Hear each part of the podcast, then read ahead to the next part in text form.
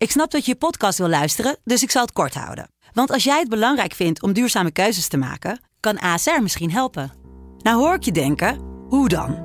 Nou, bijvoorbeeld bij het duurzaam herstellen van schade. Of de premies die we beleggen volgens ons duurzaam beleggingsbeleid. Dat bepaalt waar we wel en juist niet in investeren.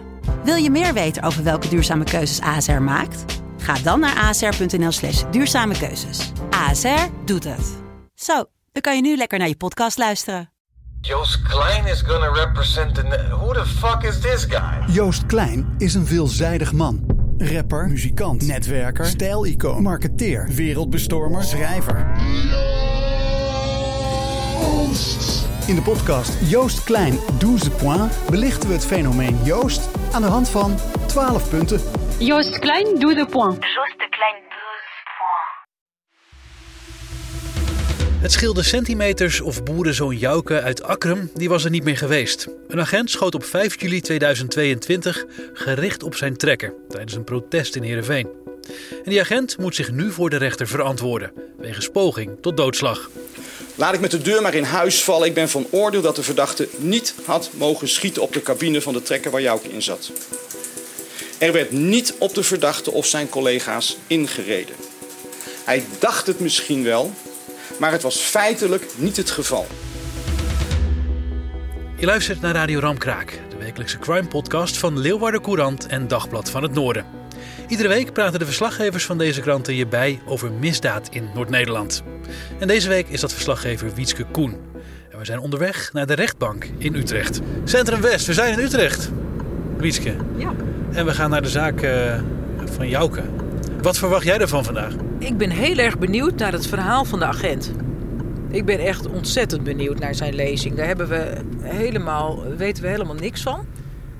We weten alleen dat hij uh, in eerste instantie, na, uh, nadat dit gebeurd is, weten we alleen dat hij uh, zei dat hij schoot omdat Jouke op hem in zou zijn gereden. En Jouke is later ook aangehouden buiten Heerenveen in Haskerhorne vanwege op verdenking van poging tot doodslag.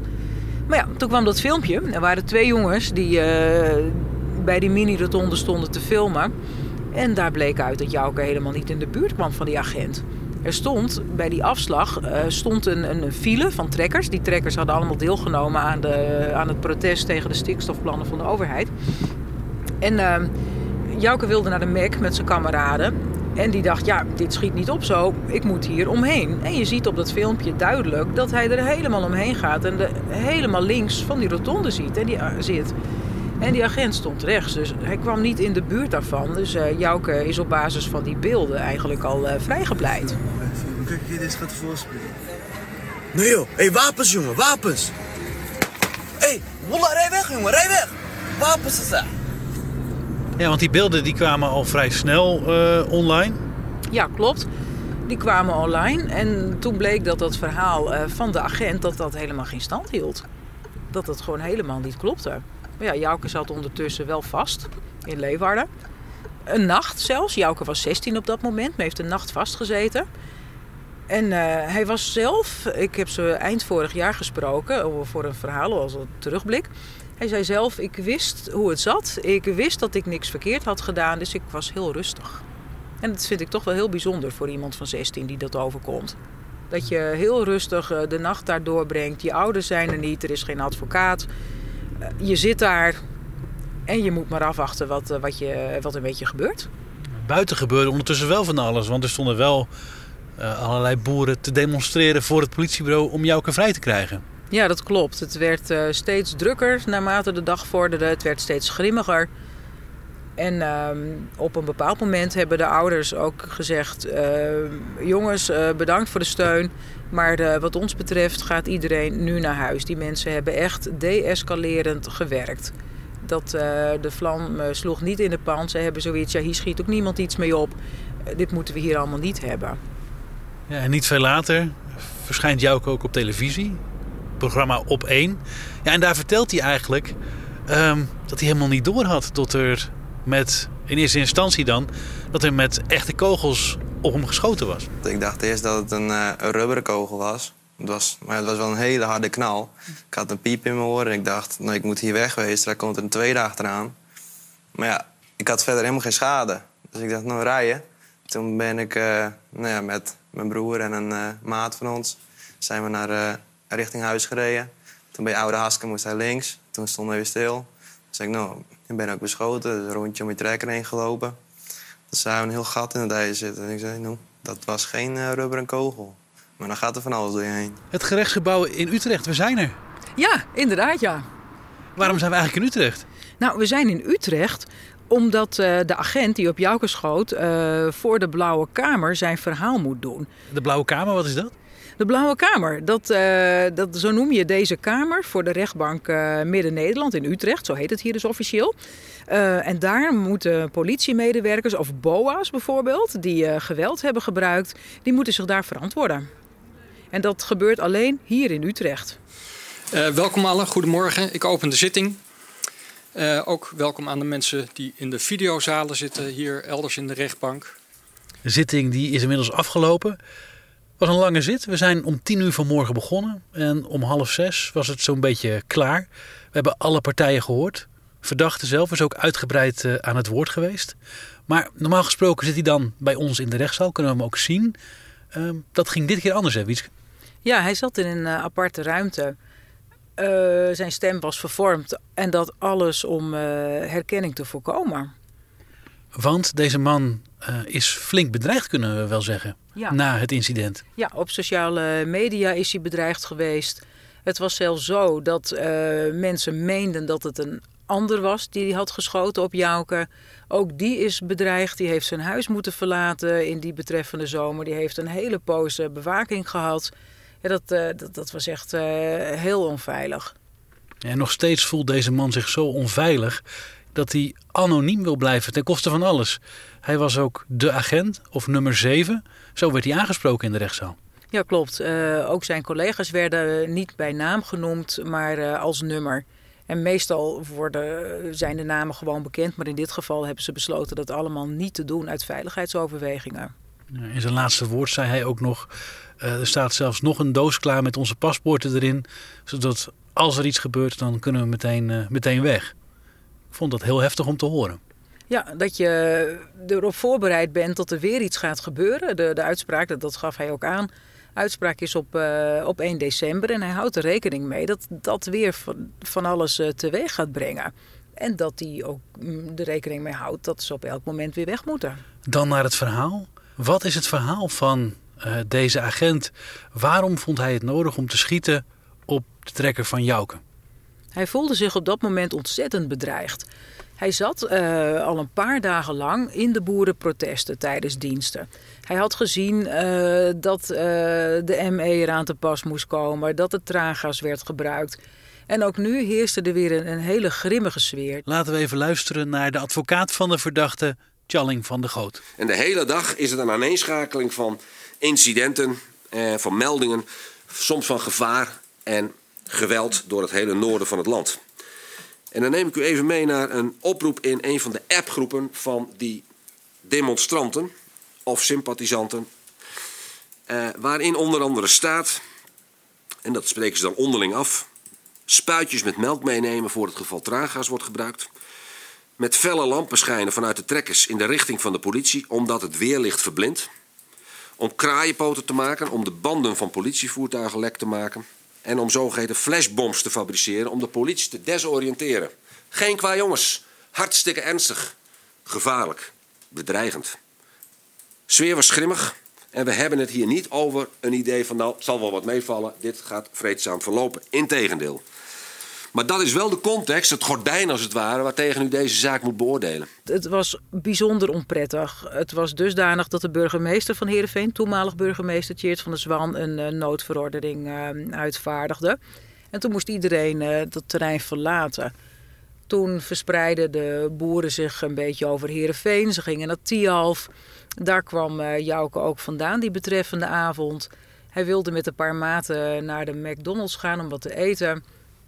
En uh, toen hij op de afrit was, uh, vond de agent, die, die, die spotte hem, of die zag niet dat hij erin zat, maar die zag een trekker.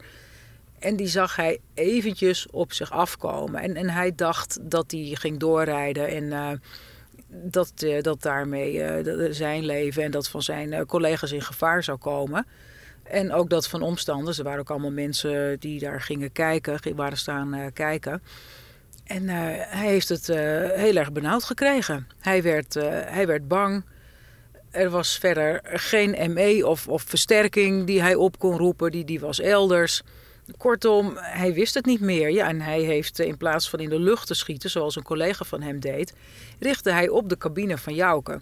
En het bijzondere was dat hij pas toen Jouke voorbij reed, ging schieten. Maar op dat moment dat hij die, die trekker op zich af zou komen, zei hij ook, dan, wordt het, dan neem je dat in een split second, neem je dat besluit om te gaan schieten. Ja, en toen draaide hij eh, weer van hem af. En hij zegt dat had ik niet kunnen voorspellen. Maar toen, toen schoot ik op de zijkant. Ik op dat moment sta ik op de middengeleider. Hè, dus tussen de afrit en de oprit, zeg maar. En eh, dan wordt er geschreeuwd van stop de trekker, kijk uit. De trekker van Jouke die komt dan achter dat, eh, die, de, de- die portaalmast zeg maar, vandaan. Hè, dus tussen de vangrail en de portaalmast steekt hij over. Eh, dan is hij een heel klein moment. eh, is hij dus rechts voor jou. Dan gaat hij helemaal naar links richting de bocht van de McDonald's. Ja. En dan zie je ook dat hij vermoedelijk, het, in ieder geval dat was mijn observatie, dat op het moment dat hij de bocht inrijdt, zeg maar, moet hij de, omdat die ladewagen erachter hangt, moet hij het spul even recht trekken. En dat je op dat moment heel eventjes ook nog, eh, ja, dat, gaat over een milliseconde misschien naar rechts is en dan vervolgens de bocht ingaat. Nou, op dat moment eh, was al één grote hectiek. Eh, en ja, was bij mij het idee dat of ik zelf letsel of ergens zou oplopen, dan wel nummer eh, Zes. 6, Ja. dan wel nummer 11. Maar ook uiteindelijk op de rotonde, daar stonden dus ook demonstranten en sympathisanten en hoe je het ook wilt noemen, daar stonden ook een hele hoop mensen. Ja. Ja, en daar kwam bij mij op het moment eh, de angst vandaan van eh, ja, dat er letsel of ergens zou komen. Het is even goed om de situatie te schetsen, zoals we hem ook in de rechtbank hebben gezien. Het filmpje, eh, dat ook bij ons op de website stond, wat ook gedeeld is op sociale media, waarbij je deze agent ziet schieten op eh, de trekker van Jouke. is ook uitvoerig bestudeerd. Eh, maar het blijkt ook dat deze agent niet de enige is die zijn wapen trekt en ook niet de enige die schiet. Nee, ehm, er is door, door meerdere agenten geschoten. En alleen hij is de enige die echt op, op Jouke richt. De rest, er was iemand die, die greep naar zijn wapen. Eh, van de zes aanwezige agenten hebben er vijf hun wapen aangeraakt. Maar hij was de enige die, eh, die echt gericht schoot. Ja, en, en dat mag niet. Dat, dat, dat moet je niet doen. En dat, dat realiseert hij zich nu ook heel goed. Ja, we hebben wat ik al vertelde. Het filmpje hebben we bekeken in de rechtszaal. Je ziet dat die trekker van Jouke al voorbij is als, als, als deze agent gaat schieten. En officier van justitie Pieter van Rest, ja, die, die stelt hem daar kritische vragen over. Ik citeer u. De trekker reed langs mij heen. En ik keek dus tegen de zijkant toen ik schoot. Voordat ik schoot, deed ik één à twee stappen. Ik draaide mee met de trekker en schoot. Hoe reageert u daar nu op? Nou, volgens mij is dat correct. Dat is het stuk dat ik ben uitgestapt. Eh, wat ik net al zei van de IBT-training, dat rode vlak zeg maar. Dat ik die inderdaad, of het nou twee, drie of vier stappen zijn, maar ik ga inderdaad mee naar rechts. En eh, uiteindelijk schiet ik daar op de zijkant van de trekker. Ja, dat, dat klopt. Maar dan schiet dat- u- Zo is het ook. Maar dan schiet u toch niet op een inrijdende trekker? Nee, dat, dat klopt. Kijk, op het moment dat je eh, dat stukje ziet, alleen eh, probeer dat maar eens in de praktijk. In deze stresssituatie, waarin je dus niet weet wat er gebeurt, hoe onberekenbaar dat is, onvoorspelbaar gedrag, de hectiek. Ja, dan heb je je vuurwapen, en dat heb ik zo straks ook al verteld. Eh, het, eh, het is heel moeilijk om op dat moment, op, op de allerlaatste milliseconde, nog te zeggen van hé, hey, ik, eh, ik doe het vuurwapen ook in de lucht en, en ik schiet in de lucht bijvoorbeeld nog. Hè? Nee, maar dat, het, het, dat is gewoon ontzettend moeilijk. En ik wou dat ik het gedaan heb. Dat is niet zo. Ik, ik, en dan wil ik ook niet bestrijden dat dat moeilijk is. Maar zoals u het vertelt, en dat is natuurlijk achteraf, snap ik ook wel. Ehm, ehm, daar zegt u van ja, hij reed langs mij heen, ik draaide met hem mee en schoot. Dat is wat anders dan ik had nog het idee dat hij op me afkwam en ik schoot. En ja, achteraf blijkt hij misschien zeg maar, van me afgebogen te zijn. Dus voor mij een heel ander gevoel roept dat op. Nou, uh, de officier van justitie die zei, die verdachte die had anders moeten en kunnen handelen. Het schieten was niet gerechtvaardigd. Um, hij zei dat de, de agent uh, niet op, maar na het vermeende inrijden van Jouke reageerde. Oftewel, hij schoot toen Jouke al voorbij was. En uh, hij gaf verder aan het opmerkelijk te vinden dat uh, de agent maar één keer schoot. Want meestal als uh, de paniek toeslaat, dan wordt er veel vaker achter elkaar geschoten. En volgens de officier getuigde dit van een soort rust. Uh, ja, die er bij die agent uh, van binnen uh, waarschijnlijk ook wel was. Want de man stond heel goed bekend, werkt al 45 jaar voor de politie, of staat heel goed bekend. Um, en, en, een hele rustige, rustige man. toen hij om versterking riep, om assistentie riep, toen kwam, het, kwam die ook meteen. Want als hij daarom vroeg, nou, dan zou er dus ook echt wel wat, wat los zijn. Hoe had deze man dan moeten reageren, Wietske? Want um, ja, tuurlijk hebben agenten meerdere soorten wapens bij zich. Pepperspray, een wapenstok, uh, een taser. Maar dat gaat allemaal niet helpen tegen een trekker.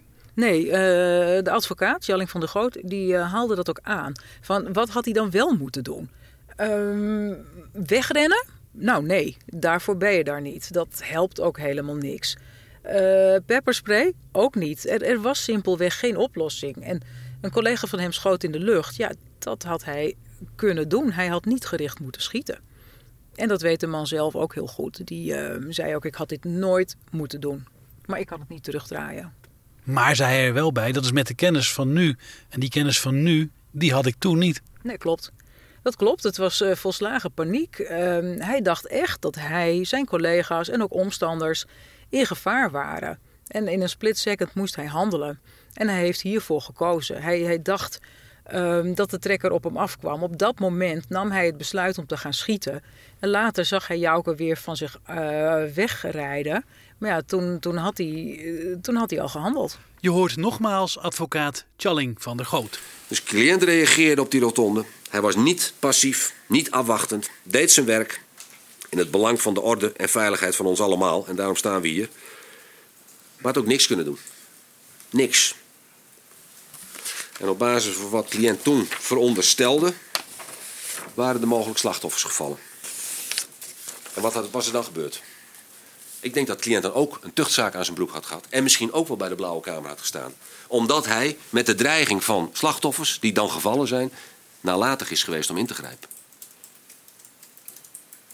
En de plicht van een politieman is nou juist om in alle hectiek in te grijpen daar waar nodig. Maar dat mag, wat mij betreft, niet tot gevolg hebben dat als achteraf blijkt dat je dat misschien toch net even wat verkeerd hebt ingeschat, dat je je dan bij de strafrechter moet verantwoorden. De politie zal in dat geval, in voorkomend geval, een stap terug doen. En één ding is helder, daar wordt Nederland niet veiliger van. Advocaat Tjalling van der Goot was dat, die probeert te schetsen in wat voor onmogelijke situatie zijn cliënt zat.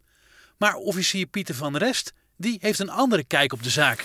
Laat ik met de deur maar in huis vallen. Ik ben van oordeel dat de verdachte niet had mogen schieten op de cabine van de trekker waar Jouke in zat. Er werd niet op de verdachte of zijn collega's ingereden. Hij dacht het misschien wel, maar het was feitelijk niet het geval. En ik vind ook dat verdachte hiervan een verwijt kan worden gemaakt. Hij had ook in de situatie waarin hij zich bevond, ondanks wat er allemaal overal gezegd is, echt anders moeten en kunnen handelen. Eigenlijk uh, heb ik de overtuiging, en die volg ik dan ook maar, dat ik hier weinig woorden aan vuil hoef te maken. Het gaat hier om een evidente poging doodslag. Een politieambtenaar die doelbewust op de cabine van een rijdende trekker schiet om de trekker te stoppen, pleegt een poging doodslag op de bestuurder van die trekker. Het standpunt van de officier van justitie is, is duidelijk. Die zegt deze agent had niet gericht mogen schieten op de trekker van Jouke. Wat voor straf staat er dan tegenover? Er is uh, één maand uh, voorwaardelijke cel uh, tegen hem geëist. Dus dan zou je bijna kunnen zeggen: het is eigenlijk geen straf, want hij hoeft niet de gevangenis in. Tenzij hij binnen een jaar weer de fout ingaat. Want dat is de proeftijd die erbij hoort. Klopt. Ja, het, het is inderdaad een. Ja, wat, wat moet je hiervan vinden? wil je iemand straffen? Eh, ik, ik vind dat heel erg lastig om, uh, om daar iets over te zeggen. Het, het is een, een hele rare, ja, een hele rare straf. Um, van de Groot vroeg om vrijspraak en anders uh, een, om een rechterlijk pardon uit te spreken. Dat betekent dat iemand wel schuldig wordt bevonden, maar er geen straf of, of maatregel volgt. Ik, ik denk dat je dan meer in de buurt zit. Ja, een maand voorwaardelijk. Ik kan me voorstellen dat er mensen in de landen zijn die zeggen uh, dat die daar heel goed mee wegkomt, die agent. Ja, dat, dat weet ik niet. Dat vind ik heel erg lastig. Dat, dat is inderdaad, uh, dat is dan weer uh, de maatschappij. we vinden hier wat van. Ik, ik ben heel blij dat daar andere krachten over gaan. Ja. En dat je niet ehm, bent overgeleverd aan, aan de, de stemming in, in de maatschappij. Aan, aan wat men ervan vindt. Dat, nee, laat dat maar ergens anders. laat iemand anders dat maar beslissen. Hoe is het nu met de familie van Jouke en met Jouke zelf? Ze waren aanwezig, maar ze willen niks meer met de pers. En ik krijg ook een beetje het idee ook niks meer met deze zaak te maken hebben. Ja, ze zijn er klaar mee. Uh, het, ze zitten daar al een, een, hele poos in. En elke keer als er weer iemand over belt, het is een jaar geleden, nou wordt het weer opgerakeld, willen mensen weer iets van hun. Ja, nu weer in de aanloop naar deze zitting. Terwijl de mensen zelf nog dagelijks uh, gevolgen ondervinden van de schietpartij. Um, de mem van uh, Jouke Tjitske, die vertelde dat ook. Dat um, de hele familie in therapie zit, nog steeds. En de jongste twee kinderen, die hebben nog, nog altijd paniekaanvallen. Ja, en ze hebben nog, daar hebben zij nog altijd mee te kampen. En dan is het wel heel erg lastig dat, dat, je steeds er weer, dat je steeds geacht wordt je verhaal weer te vertellen. Dus ze hebben ook echt met klem verzocht: jongens, laat ons met rust nu, maar ook na de zitting. Dit, dit willen we niet meer. Het hele gezin is nog altijd in therapie om alles te verwerken. Wat het niet makkelijk maakt en wat wij als erg hinderlijk ervaren, is nog continu aandacht van de pers en social media. We voelen dat we structureel belaagd worden. Ieder telefoontje heeft invloed op ons gezin. Daarmee worden we weer aan het incident herinnerd. Gaan we weer terug in de tijd, terwijl we juist vooruit willen gaan. Nou, en verder zei ze nog dat, uh, dat ze niet alleen de agent, maar vooral ook de politieleiding schuldig uh, acht aan het uh, schietincident. Want hoe, hoe kan het toch dat, dat ze zo ver. Uh, dat ze het zo ver hebben laten komen? Um, en ze zei dat ze heel erg blij was natuurlijk dat, uh, dat Jouke niet is geraakt. En dat er uh, filmbeelden waren gemaakt waaruit blijkt dat Jouke niet op de agent was ingereden. Ze zei wat, want stel um, dat die beelden niet waren geweest. Hoe had het er dan uitgezien? Ja, dat weten we niet. Wieske Koen, dankjewel. Je luisterde naar Radio Ramkraak, de wekelijkse crime podcast van Leeuwarder Courant en Dagblad van het Noorden. Iedere week praten de misdaadverslaggevers van deze kranten je bij over misdaad in Noord-Nederland. De muziek die je hoorde werd gecomponeerd door Guido Keizer. Mijn naam is Jeroen Kelderman en ik bedank je voor het luisteren.